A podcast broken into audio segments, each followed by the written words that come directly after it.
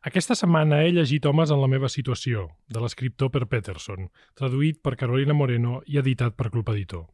Feia temps que perseguia l'escriptor noruec, de qui només sabia que poc després de publicar la seva primera novel·la havia perdut pare, mare, un germà i una neboda en allò que els cursis anomenen una tragèdia. A casa ens encanta això de l'autotortura, i més si ve del nord. Hem llegit i pagat religiosament cada nova entrega de la meva lluita, la recherche prustiana de Karlov Nausgar, i ens entusiasmen els relats on els homes exerciten la self-pity, sempre que aquesta ens regali bona literatura. I sí, Homes en la meva situació, que es podria haver titulat també Escenes de la meva lluita, té fragments de molt bona literatura. El protagonista d'aquesta novel·la és un vell conegut de Peterson, el seu alter ego, diríem, Arvid Jansen, un home separat, amb la dosi habitual de tilisme i de gandoleria, al qual només li queda esma per intentar jugar maldestrament el paper de ser pare a temps parcial. Jansen és un solitari que es guareix les penes fregant-se amb dones absurdes i fent-los mig l'amor maldestrament, que acaba fotent-se mastegots amb desconeguts per divertir-se i que no creu en Déu ni en res, però que es dedica tota hora a parlar de la mort i de la por com si la divinitat l'estigués escoltant. Peterson hi parla, a través d'Arvid Jansen, amb una prosa memorialística crua com una bufetada, i ens desvetlla una compassió que viatja entre el paternalisme, l'amor, la indiferència o l'odi. Ara en parlarem. En el fons, els llibres de Peterson, diria, plauen al lector perquè la història d'Arvid Jansen és la versió optimitzada de l'adolescent perpetu que intenta adaptar-se a un món, tenir una família, una feina normal, però que no se n'acaba d'en sortir, i que per comptes de suïcidar-se ens regala el seu fracàs poètic com a penyora. Podria ser pitjor, però al capdavall, això de les adolescències perpètues a casa també ens encanta.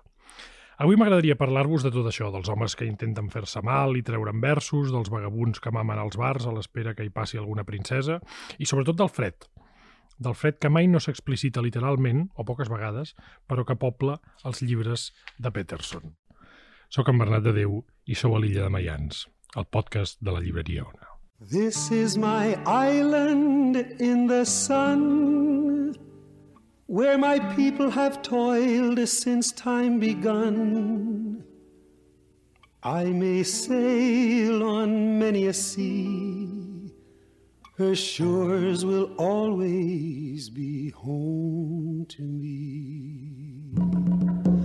Oh, island in the sun Built to me by my father's hand. All my days I will sing in praise of your forest waters, your shining sun.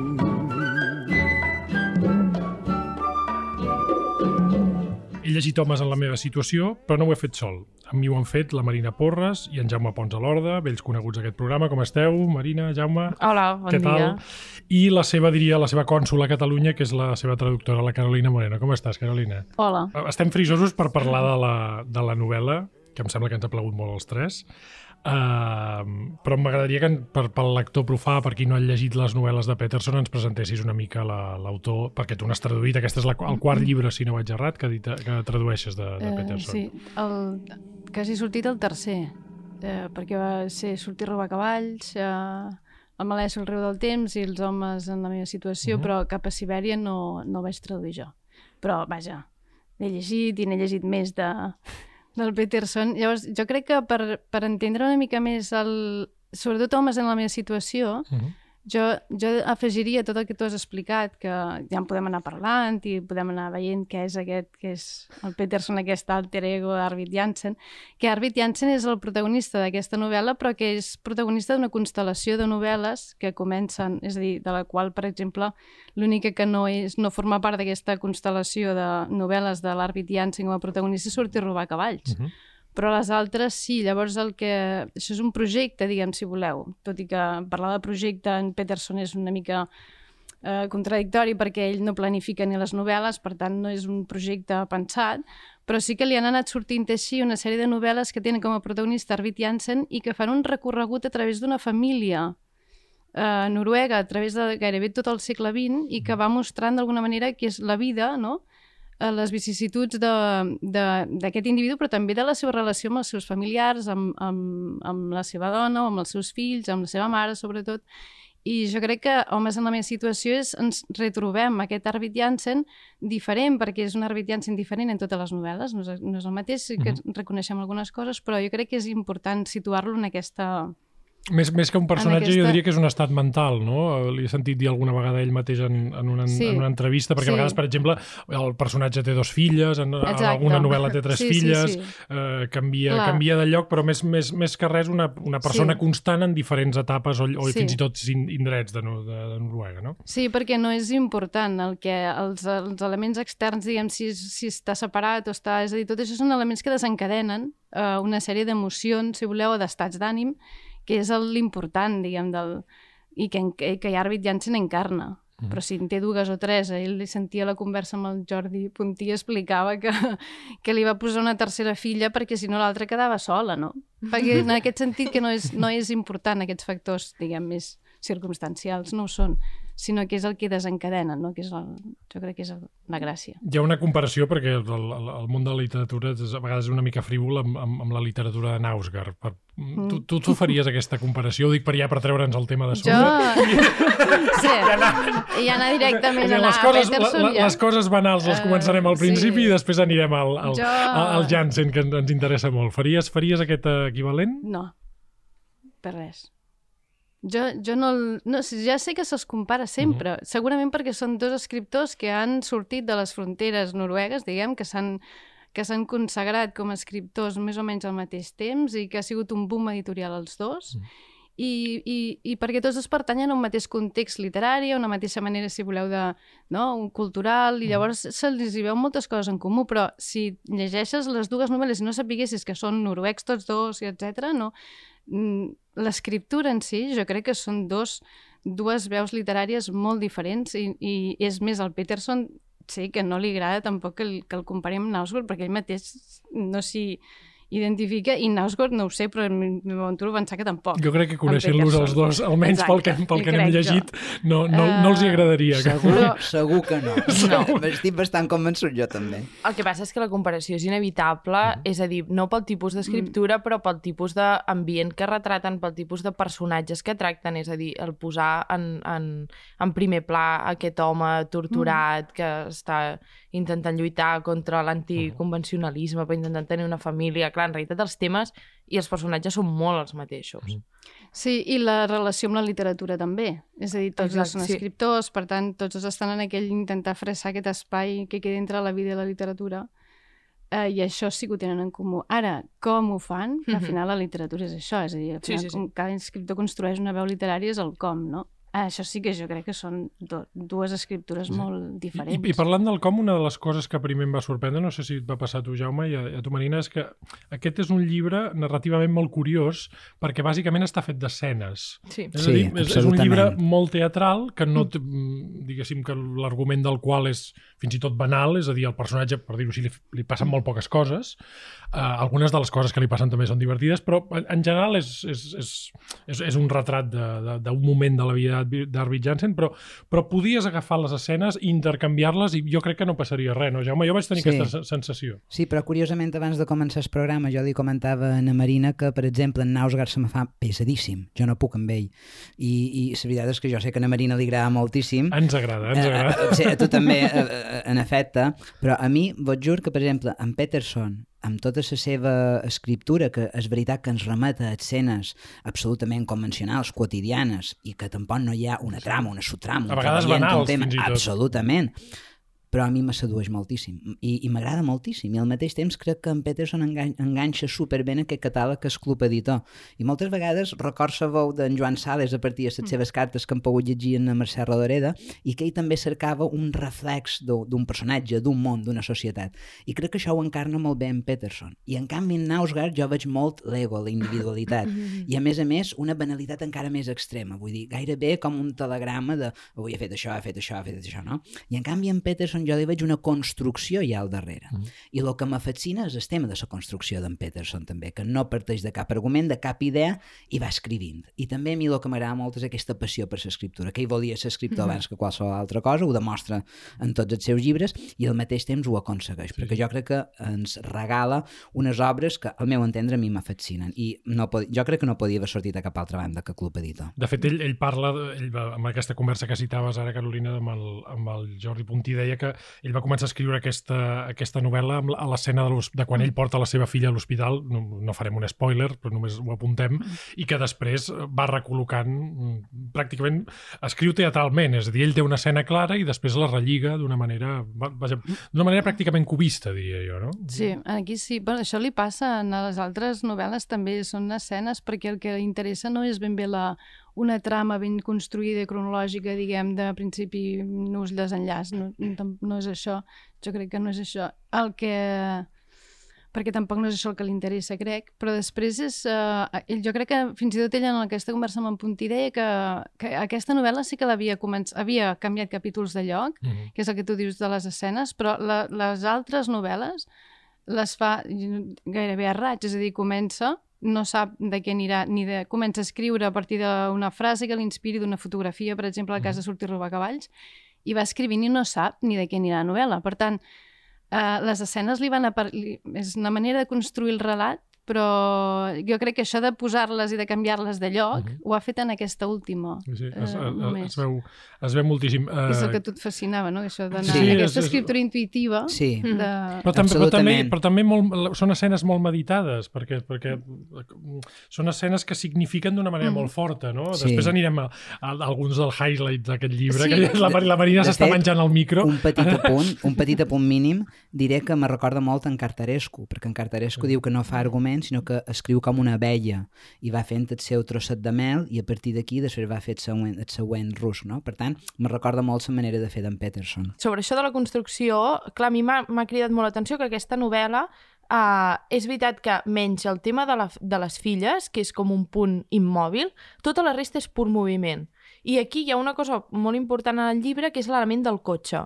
És a dir, aquest senyor està obsedit Mm. amb el seu cotxe, llavors és un senyor que, uh, quan es, que és, magnífic, quan ha estat dormint amb la seva dona, estat tan aclaparat per tot que se'n va a dormir al, al pàrquing de sota casa, però si ens hi fixem, tot el llibre, o bona part del llibre, són escenes d'un cotxe, del seu cotxe en moviment, que és un cotxe que alhora li serveix de refugi per dormir, uh, l'instrument per anar a fer excursions amb la seva filla, uh, les escapades Després que fa parlarem cap de al... les excursions, perquè Les escapades que fa cap al centre, és a dir, que tota les l'estona... excursions acaben, acaben suint Sí. malament. Aquesta, Sí. aquesta és la meva part preferida. Però llibre. aquesta, que aquesta construcció és molt curiós que ell hagi triat de dir jo faré aquest llibre que són escenes i no pararà tot de moure's tota l'estona. I l'element del cotxe aquí juga un joc molt guai. Mm. Jo, jo voldria parlar de, també del, de, de, de la masculinitat nòrdica. Marina, Marina, Marina, il·lustres? sisplau, per Sisplau, favor, és el teu, és el No. teu moment perquè sé que Però estàs... jo també tinc molta curiositat. No, però ara Doncs- m'esteu posant una Doncs- pressió que no toca. Estem fascinats per aquest estudi. Home, clar, eh, jo, jo crec que mm, som molt menys la gent que hem llegit Nausgard de la gent que ho diu, eh, si més no que hem llegit tota la sèrie, i per tant coneixem ja el Peterson, i per tant hi hem pensat molt en aquest tipus de descripció de l'home que fan aquests dos autors, Sí. perquè jo crec que sí que té alguna Home. concomitància. Sí que és cert que Peterson és, jo crec que és molt més escriptor i molt més brillant, i fins i tot és molt més generós en la renúncia de no escriure certes coses, que a vegades narrativament és més interessant. Nausgard Sí. ja, ja a, la, a, les, a les 250 vegades que t'ha dit que està parlant una poma, hi ha algun moment que dius, home, doncs la, la poma potser la llançaria per la finestra. En aquest cas, jo crec que Peterson retalla més i, Sí, sí, i això sí. fa més literari. Però, però homes nòrdics... La clau de Nausgard és que té un projecte molt gran, per això, Això o sigui, sí. tots s'emmarca en això, però d'acord. No, jo, és que aquest, uh, la idea de, de posar aquest llibre sobre la taula va ser perquè vaig dir, estic llegint un altre senyor torturat. I, llavors, I el Jaume i el Bernat van dir, endavant amb els, Endavant. amb, Sempre, el, sempre. Endavant, amb els sempre. senyors Sempre torturats. favor. I No serà l'últim, eh, aquest No, que farem. sí. Ja, ja, ja t'ho dic, ja No. dic jo. Però sí que és veritat que és, és molt curiós el retrat d'aquesta masculinitat de l'home nòrdic, que és una altra cosa que el lliga amb el Nausgard, que és que tu veus que són senyors posats en una societat contemporània que estan lluitant tots dos uh, amb el fet de voler ser homes lliures i alhora tenir una vida que entri a dintre la convenció.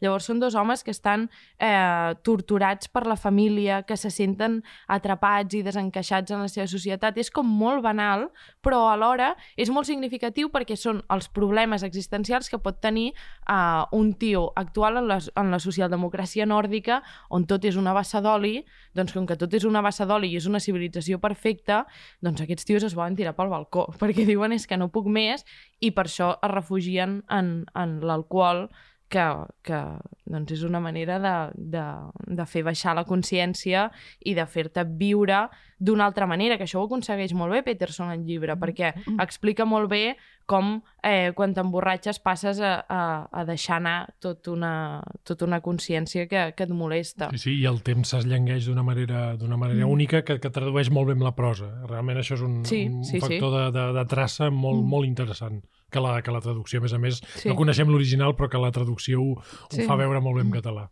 Mhm. Estupendo. Sí, de fet, parlant d'això, és una traducció i faré servir un tòpic, però m'encanten els tòpics perquè els tòpics formen part d'una literatura i ajuden a establir unes coordenades literàries, però llisca molt bé aquesta Mhm. traducció, se llegeix molt bé.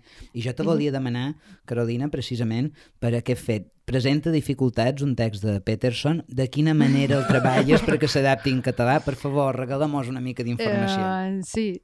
Puc dir una cosa primer del que ha dit la favor, Marina això- d'això de la, de teva la teva masculinitat? casa teva. M'heu dit abans, pots dir segona cosa que la vols dir, perquè és uh, cert això que dius, però jo més que un home torturat, eh, a mi el que em va copsar, és a dir, quan, el que em va sobtar molt quan la vaig llegir per primer abans de traduir-la, la, la vaig llegir i la Maria em va preguntar què et sembla, i el que a mi em va sorprendre més va ser el, això que dius d'aquesta masculinitat desorientada totalment. Jo no la vaig veure un home torturat, però sí vaig veure molta desorientació en un món en què efectivament l'home sí que està en una posició molt en, que hi ha molt desencert i molta, molta desorientació respecte a la seva relació amb les dones també, en un Mhm, moment en què la totalment. dona... No? I, I això sí que ho vaig veure, però el que em va interessar més, el que em va agradar més, és que no ho feia, diguem, d'una manera fosca, diguem, o sigui, no, no, jo no vaig veure un àrbit Jansen o un home torturat i enfonsat, sinó que ho expressava amb molta tendresa. I vaig pensar, jo crec que serà una novel·la que agradarà a molts homes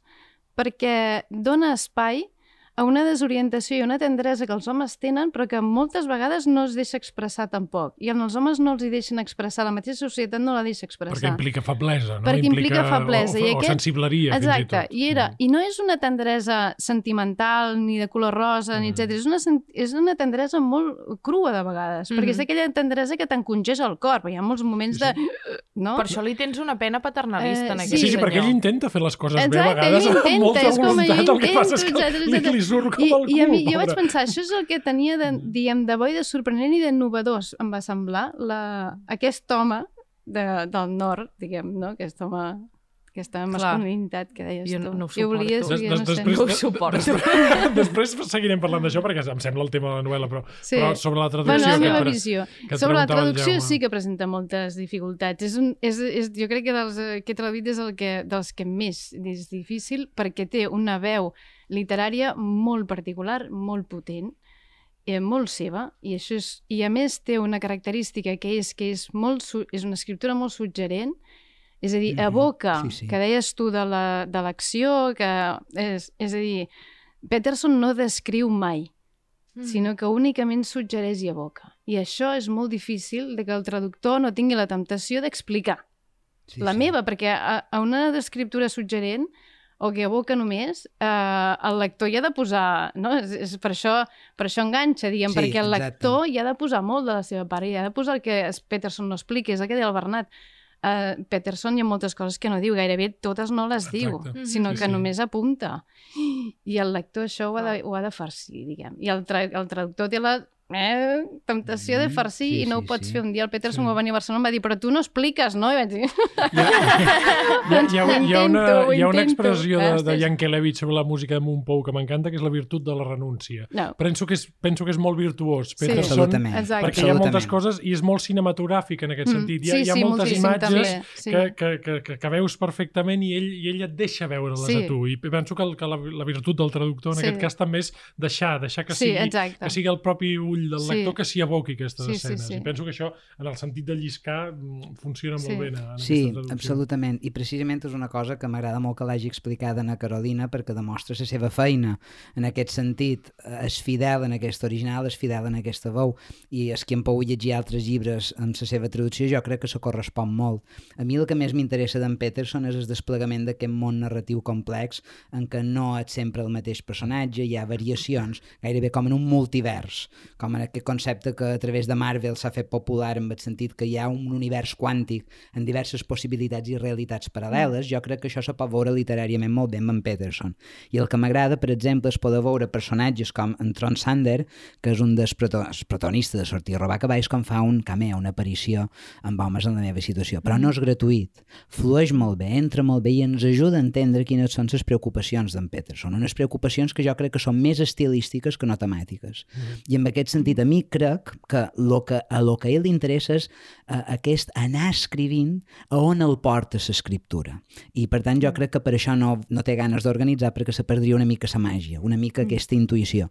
I en el final jo quan llegeix en Peterson estic llegint un caçador noruec que va a la recerca del que trobarà. Sí, sí. No és de mapa, és de bruixola. A, mi- a mi m'agrada Mm, molt que, exacte. que has dit això Clar. perquè entronca en el que dèiem al, al principi, que és per mi la clau i la, i la discussió i la riquesa d'aquest llibre, que és aquesta diferència entre la tortura o l'autotortura i la desorientació. La Mhm. Carolina l'ha explicat Mhm. també, no? Per, per mi és molt interessant perquè eh, a part de la, la, diguéssim, de la, dels ecos de la, de, de la tragèdia familiar que ell explica de tant en tant, que és la, la tragèdia que va viure el propi autor, que és una tragèdia forta, ben bé aquest personatge que, que, que llegim no té problemes. És a dir, no és un personatge que... O si els té, té problemes de primer món. S'acaba de separar, Sí, sí.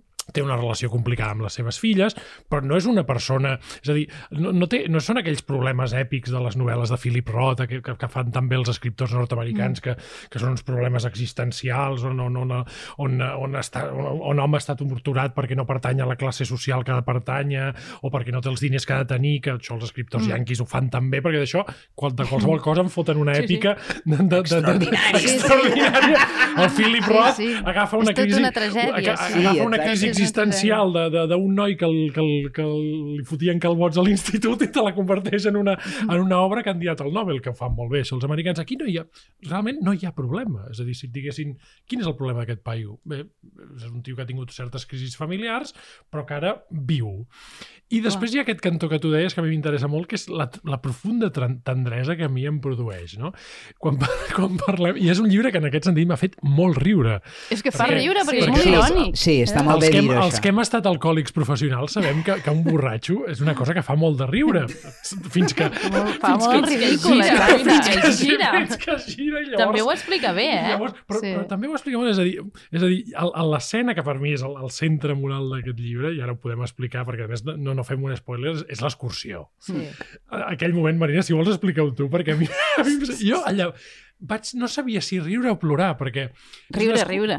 Ric, però també, Sí? però també és que em sap molt de greu. Fa, fa perquè- molta pena. Però hi ha molta autoironia, hi ha molta ironia en aquest llibre. Sí, però, però fa molta pena, pobre tio, moltíssim. escurra Clar, una... però aquest home no, no... És que, clar, no surt. És un, és un senyor, per posar en context, eh? Exacte. O sigui, ell està separat. Està separat, a més, no se'ns explica, uh, com diu la Carolina perfectament, no se'ns explica mai ben bé res. Sí que hi ha una frase molt al principi que diu... Uh, la meva exdona em va trucar desesperada i diu, i a mi em tornava, o sigui, tenia la temptació de reenganxar-me i diu, però sabia que això només era perquè uh, ella era la dèbil i jo era el fort.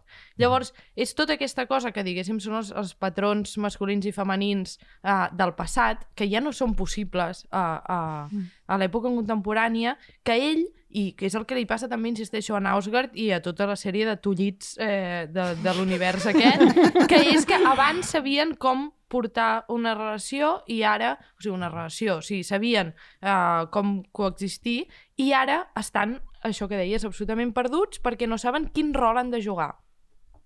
I això és una crisi de, que ve de, de masculinitat, que ve de lluny, lluny, lluny, però, però que sí que entronca molt bé en, en, aquí en Peterson. Llavors aquest senyor està separat. Uh, té tres filles, la gran és una nena molt especial, Mhm. la gran és una nena que... Molt intuïtiva. Molt Mhm. intuïtiva, que veu perfectament per què amb elles no les deixen anar uh, i no volen anar a casa del seu pare, perquè és un senyor que no les aguanta un cap de setmana perquè no es pot controlar Sí, sí. amb el seu problema amb I l'alcohol. a més a més no vol, no vol que visitin el seu estudi, que és el lloc on Mm. escriu, que per ell és sagrat, no? Sí, Que- no vol anar a fer aquest l'excursió viatge, aquesta, aquest sí. viatge van... Ni vol que vegi el Sí, bar, sí. el bar on va llegir a Suècia. A Suècia, Era sí, una a Arbica, sí. De fet, la filla Ah. hi ha un moment que diu el papa no ens vol portar Sí, sí. al lloc on viu, no? Que Ah, és quan ell és li el- agafa, li agafa aquell patatús amb el Clar, cotxe. però perquè és com que no, clar, no té espai propi, aquest senyor. O sigui, Mm. s'ha quedat sense espai que pugui ser només seu. I aleshores planifica una excursió a, amb aquesta noia. Quin gran paisatgista és, és Peterson. Això també, totes les... Si heu llegit Sortir a robar Sí. cavalls, Sí, precisament. I urbanista, Eh, també, passatgista sí, i urbanista. Hi ha, hi ha Eh, racons Sí, de les aquests ciutats barris que les de- descriu molt Aquests bé. barris perifèrics de, de la ciutat estan molt ben explicats.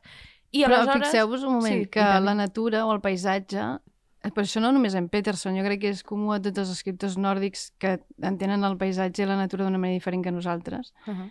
I la natura participa, és a dir, no, és un, és, és, els nòrdics entenen que la natura és un tot i nosaltres formem part d'aquesta natura. Som un més. I nosaltres, en canvi, tenim una visió molt més paisatge mm, taló de fons, saps? Uh Uh -huh. És una princesa Eh, que contemplem, no? Exacte, una cosa que I ens contemplem pels nòrdics no, però això des de les sagues, és, a dir, és una qüestió de cosmologia i de, de manera d'entendre llavors per això el país sempre diuen, i sempre surten molt la natura i el paisatge, no és clar però fixa't com surt, és a dir, no és un, un decorat sinó que forma part de explica Sí, sí. moltes coses Sí, I sí, en de Peterson fet. també és un...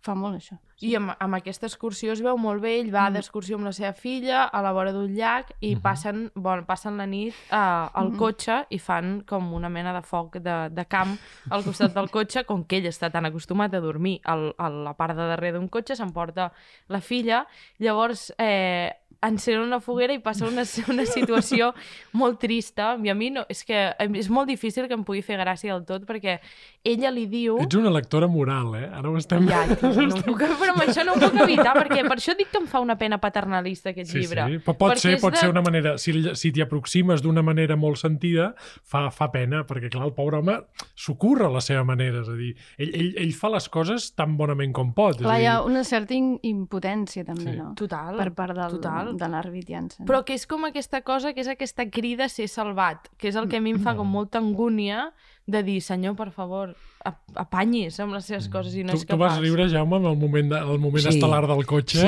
vaig- Explica'l bé, que no l'he explicat jo del No, tot. no, Explica Bueno, eh, però llavors la- ja no feu un spoiler. Bueno, és... No, no, jo, no, spoiler, vull dir, m'estim més que cadascú han creat aquest misteri a l'illa de Mayans Exacte. que la gent arribi fins aquí. Però jo vaig riure molt, i vaig riure de la mateixa manera que amb el castell de Kafka jo ric.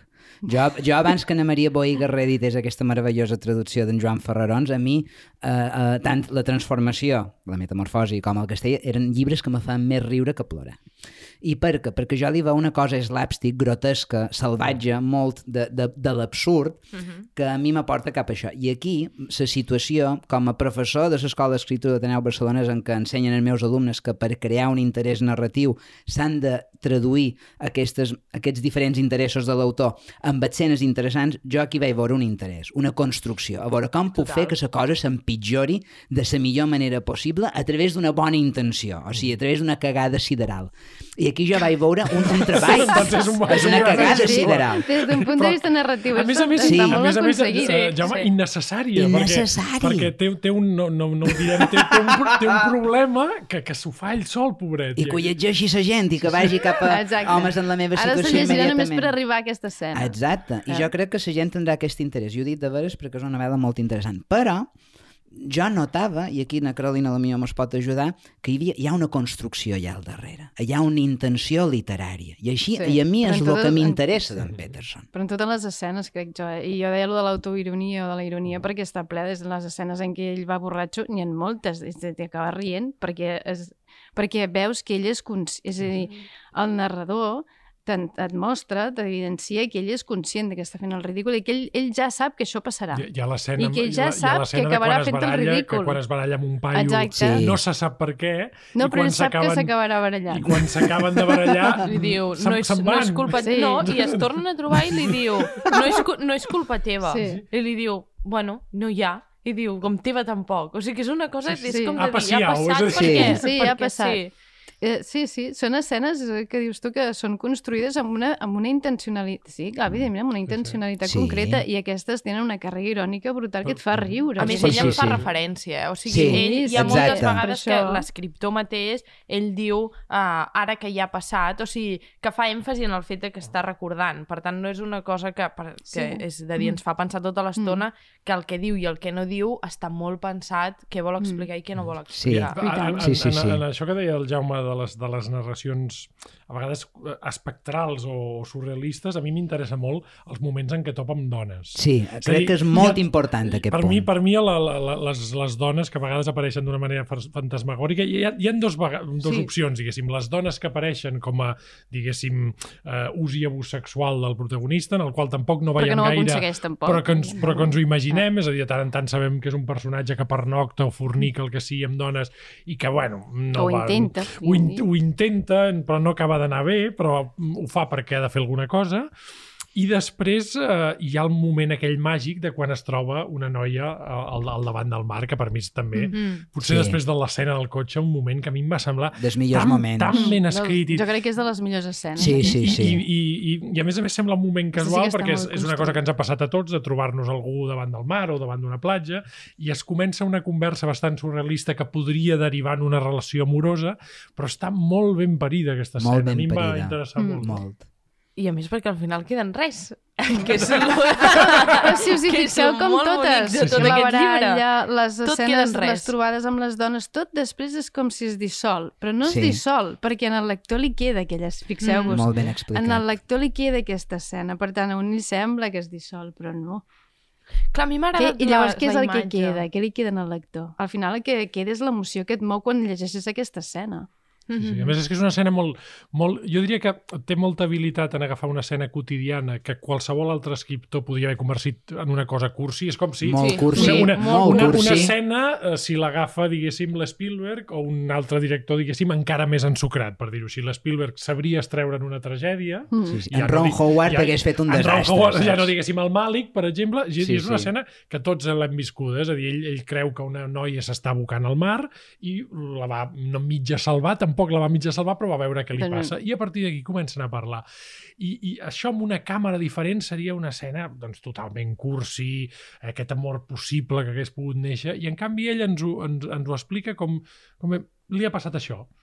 No? Li, li- Sí, Sí. I, li i, per, I per això m'interessa en Peterson, perquè jo crec que és un escriptor que ha volgut donar la volta a moltes d'aquelles concepcions clàssiques o típiques que ja ha pogut llegir molts llibres i dir on puc portar aquest moment molt conegut per altra gent, Mhm. però donar-li una nova dimensió. I per això és un, és un escriptor que a mi me sedueix i me- m'entra ganes de saber com ho fa, quin és el seu mètode, quin és el seu I moltes treball. vegades és un gir irònic. Efectivament. En, tot, en Sí. molts casos és simplement un gir irònic. Que per això, és, o sigui, a mi la, o sigui, com la mitja angúnia que em fa aquest senyor és que en realitat es queda mitges de tot, el personatge. O sigui, és un senyor que es queda És allò mitges que de deies tot, tu tot que no el... explica.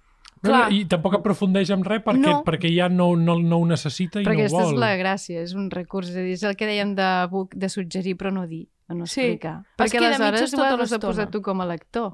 Mhm. Però, a més a més, sí que hi ha, i aquí és on jo crec que, que guanya com profunditat el, el personatge, és que, com amb, el, amb, insisteixo, amb els personatges de Nausgard, el problema és que tu intueixes una fundària molt més gran de la que hi ha allà. Mhm. És a dir, que aquests senyors tenen un fondo que és molt més fosc i molt més sòrdid del que volen eh, explicar. I que, més, tot, o sigui, si us hi fixeu, tot aquest llibre són tot d'excuses per no mirar-se cap endins. Mhm. I ell ho diu explícitament en un moment eh, que diu quan diu la veritat és que mai ho havia donat tot, no en tenia per què, diu, però tenia la sensació que si ho feia, l'escotilla podria obrir-se en qualsevol moment. Exacte. Mm. Llavors és que són senyors que, que són tot el dia a mig gas, sempre es queden a mitges per por de que si es miren en sèrio sigui un si, si, hi ha, mira, desastre. si hi ha mirall o hi ha divà, de la mateixa manera on si hi hagués un cineasta que retratés el personatge mm. només en les coses que fa seria desastrós perquè diries,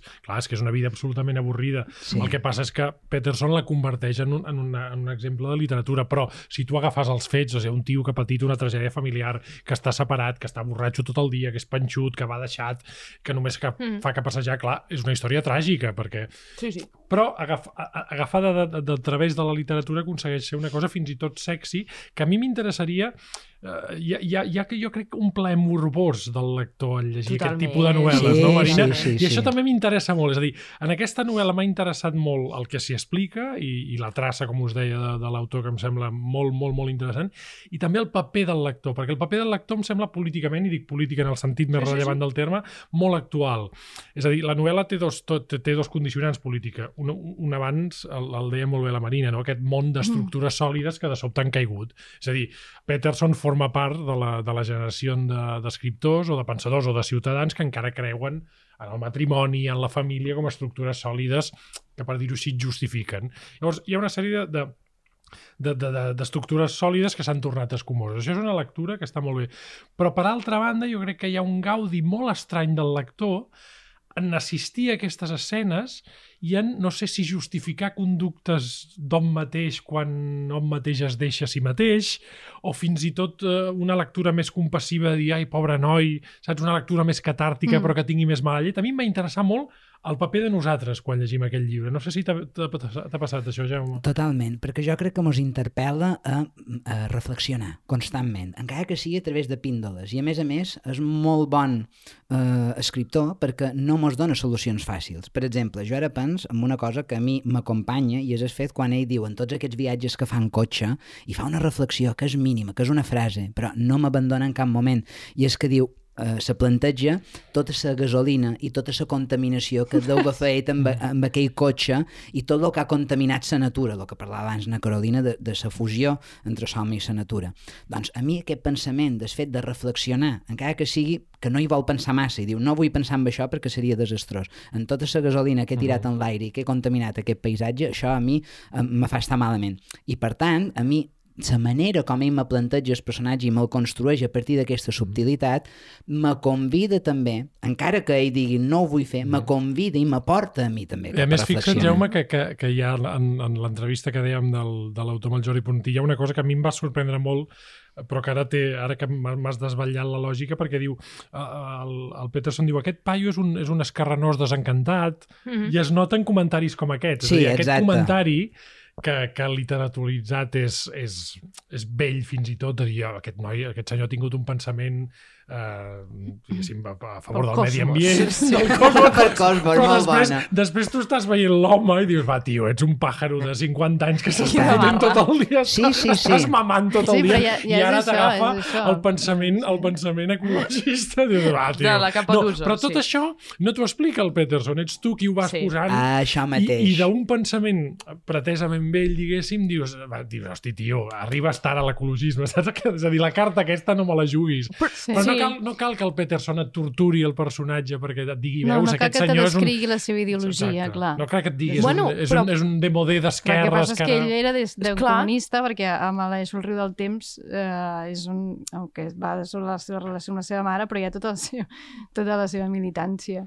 Clar, amb Ah, un partit comunista, que-. O sigui, Ah. políticament també és interessant uh, aquest llibre perquè uh, se'ns va explicant que aquest home, que ara és escriptor, que viu d'una beca, perquè això ens ho diu. O O sigui, sigui, dels seus- ens diu que viu d'una beca de l'Estat per escriure, abans treballava en una fàbrica, tenia tot d'amics eh, i companys del Partit Comunista. Mm. Per tant, clar, en realitat, aquest tio és com un obrer uh, d'alguna manera, ving... o sigui, que ha pujat Sí, sí. Ha d'estatus. Ha, pu- ha, ha pogut sortir del seu món natural. ha pogut sortir de la supervivència i llavors al sortir d'aquesta supervivència que, que era molt clara que havia de treballar per proveir la seva família i per tirar endavant, ara que té una beca de l'estat noruec i que la seva funció al món és uh, escriure, Il·lustrar la població. Clar, o sigui, es un- dedica a mamar i es dedica... un cop cobertes les necessitats és molt més difícil justificar Clar. una existència i aquí això Sí, també sí, és un sí, sí. statement polític Sí. i, és una, i és una de les virtuts del llibre també. Sí, jo crec que cauen molts, cauen molts tòpics, no? també. És a dir, cauen, o, o, elles, o ell mateix... És com si ell mateix també mirés enrere i se revisés. És a dir, a Sí. El riu del temps apareix quan ell era realment... O sigui, que s'ho creia, la causa, diguem, comunista, aquí en fa referència d'una altra manera, hi ha... Però això també, eh, per això deia de la constel·lació de les novel·les que van sobre aquesta família al llarg del segle XX a Noruega, perquè això també d'aquí també desprèn quina la societat noruega, és a dir, també ha fet aquesta, Exacte. aquesta, fet aquesta evolució, sí. diguem, no? Eh, Sí, sí. I Arvid Janssen forma part d'aquesta societat i l'encarna d'alguna manera d'aquests Clar. processos. És un tio que estava militant en un partit comunista. Passa això, és escriptor, canvia de persona. Una de les escenes que no ha estat citada uh, en aquest podcast, que a mi m'ha interessat moltíssim, és La quan pots està citar, la amb la citar. seva dona en una festa i ell tota l'estona insisteix entre la diferència entre els colorits, que són la resta de la humanitat, Mhm. i ell, que els colorits en el sentit de gent que vesteix de colors Sí, i sí. és com guai, i ell és un senyor que vesteix de negre. Va en aquesta festa, surt, surt cap a la terrassa a fumar i no sé què, i la seva dona està dintre, surt una senyora eh, es morreja amb aquesta senyora d'una manera impassible. No sabem si com, um, per què ha begut, perquè no sembla que hagi begut massa, i llavors... Eh, Però és que no hi ha per què, de fet. És És, que el que ve- deies, ve- és ve- que ve les escenes són les que són, és a dir, les escenes tenen importància pel que evoquen Sí, i sí. pel que generen i pel que de- Però desencadenen. això té impacte en la lectura... Això té impacte en la lectura antimoral que hi vol fer ell també, Mhm. perquè és el fet d'estàs a- amb... O sigui, estàs amb la teva dona en una festa, surts a fora, ve una senyora, et, et morreges, t'estires al banc amb ella i la teva dona surt a rescatar-se assumint que t'has embolicat amb no sé qui i tornes cap a casa. Llavors això, clar, també és com viure en un pla eh, amoral raríssim que també ens fa que, que, que això tragui, eh, tregui, ens, eh, ens sentim atrets pel personatge perquè no sabem per on agafar-lo. Mhm. Que aquesta és Exacte. una de les És gràcies d'aquest senyor. Sí. Que, I és tot el paternalisme que hi podem tirar sobre Sí, aquest sí. senyor, és que hi ha la temptació de dir anem a entendre aquest pobre... No, perquè que és això. O Sí, sí, sigui, no hi ha, no hi ha res. forats, no hi ha Perquè forats hi ha per una cosa agafar-lo. que jo crec que és interessant, però que és pròpia de la literatura escandinava, perquè jo, això s'ho van inventar les sagues islandeses, i ara no faré de profe de literatura, però faré molt ràpid, molt ràpid, Sí. que és que la... fixeu-vos que el que estàs dient tu, el que estem dient tots, són judicis sobre Arvid Janssen i els estem fent nosaltres perquè el Peterson no, no fa cap Sí, sí, descripció ni, cap, ni dona cap judici. Per què? Perquè el Peterson, que és el que dèieu vosaltres, està descrit en funció, a nosaltres ens arriba en funció de les seves accions. Mhm. Uh -huh. Això, que ve de les sagues islandeses que construïen tota l'acció de la saga en base a l'acció i els personatges estan construïts en base de l'acció sempre, no hi ha descripcions, vol dir que eh, qui jutja únicament pot ser el lector. L'autor no jutja mai, no, no defineix. Però en aquest sentit és objectiu i és neutre. I Peterson fa, lo, fa el mateix, Mhm. que és bastant freqüent eh, en la literatura escandinava, però Peterson és, molt, és un geni en Mhm. fer això Sí, sí. uh, en, en, mostrar, en posar-te el personatge i deixar que actui, faci i tu jutgis. Hi ha, hi ha una relació amb això, per això, que, que a mi m'ha... amb això que deies, que a mi m'ha interessat molt també d'aquest tipus de personatge descregut però que creu, que és que ell té tota la sensació de, de, de que l'està mirant algú. És a dir, ell és un personatge sí, que no sí, creu sí. en Déu, és, Sí. molt des, és evidentment molt àcrata, molt descregut, però mentre es va escrivint, i això el Peterson també crec que ho tradueix, mm. vaja, magistralment, ell té la sensació de que la seva vida és literaturitzable, és a dir, que algú Mm. l'està mirant, Sí, sí, que, cert. que això que està fent pot ser jutjat com a bo com a dolent. Mm. És una cosa que també passa amb, amb Nausgard d'una altra manera. És a dir, Nausgard eh, escriu molt conscientment sabent que hi ha algun lector que Clar, el jutjarà. jo el que no? pensava amb- amb el que, amb el que estaves explicant, Carolina, és que en realitat potser la gràcia del, de Nausgard és que ell intenta fer el, el mateix mecanisme pervertit. O sigui, Mhm. que ell s'està tota l'estona preguntant i qüestionant sobre ell mateix. Per tant, trenca la dinàmica aquesta una mica que, I s'autodefineix constantment. I s'autodefineix constantment. Mm. I per, jo crec que és la, la gran diferència Mm. entre, entre un i l'altre. Sí, I sí. que un fa que t'hi puguis apropar més que l'altre. I un descriu sense cap mena de pudor, en el cas de Nausgard, que vol ser escriptor, perquè és la, seva, la il·lusió de la seva vida. Sí. És una cosa que a mi sempre m'ha fet molta gràcia. És a dir, Clar, Nausgård no dona espai al lector. i És, és, És així. És així, és així, Nausgård totalment. no Per dona acumulació no, Per d'informació. acumulació sí, tira d'informació. És a dir, no, no dona, és que no, dona, no li dona ni per respirar. És a dir, no, ni per posar-hi res. Per això de vegades s'atura, no? Eh, perquè el lector no se sent... Mhm. És que diu, no, no hi puc posar-hi res. Jo, és a dir, em Ara, dona ara ens queda poc temps, Carolina. Abans has dit que no seria l'última cosa que traduiries de Ui, però això Peterson. no puc dir res. Però, No pots dir res. aquí no et sent Ai, ai, aquí no- ai, ai. Això li Aquí no truqueu a. Club Editor, pregunteu per la Maria Buigas. Però estem parlant de Club Editor i estem Sí, sí, parlant... sí, clar, evidentment. Sí? No, I tant, no... això és una aposta de la Maria que està darrere. La Maria és un... Jo, si em deixeu dir-ho, Oh, jo he treballat amb molts editors, però com la Maria Boigues cap, perquè és dels editors, jo diria la editora que agafa el llibre, agafa la traducció i s'hi implica i quan te la torna revisada i llegida Mhm. està farcida de comentaris, preguntes, eh, correccions, eh, tot en vermell. És a dir, que eh, estàs- que estàs- un si, estàs- que, si comença, tanca la traducció i diu dedicaré a una altra cosa.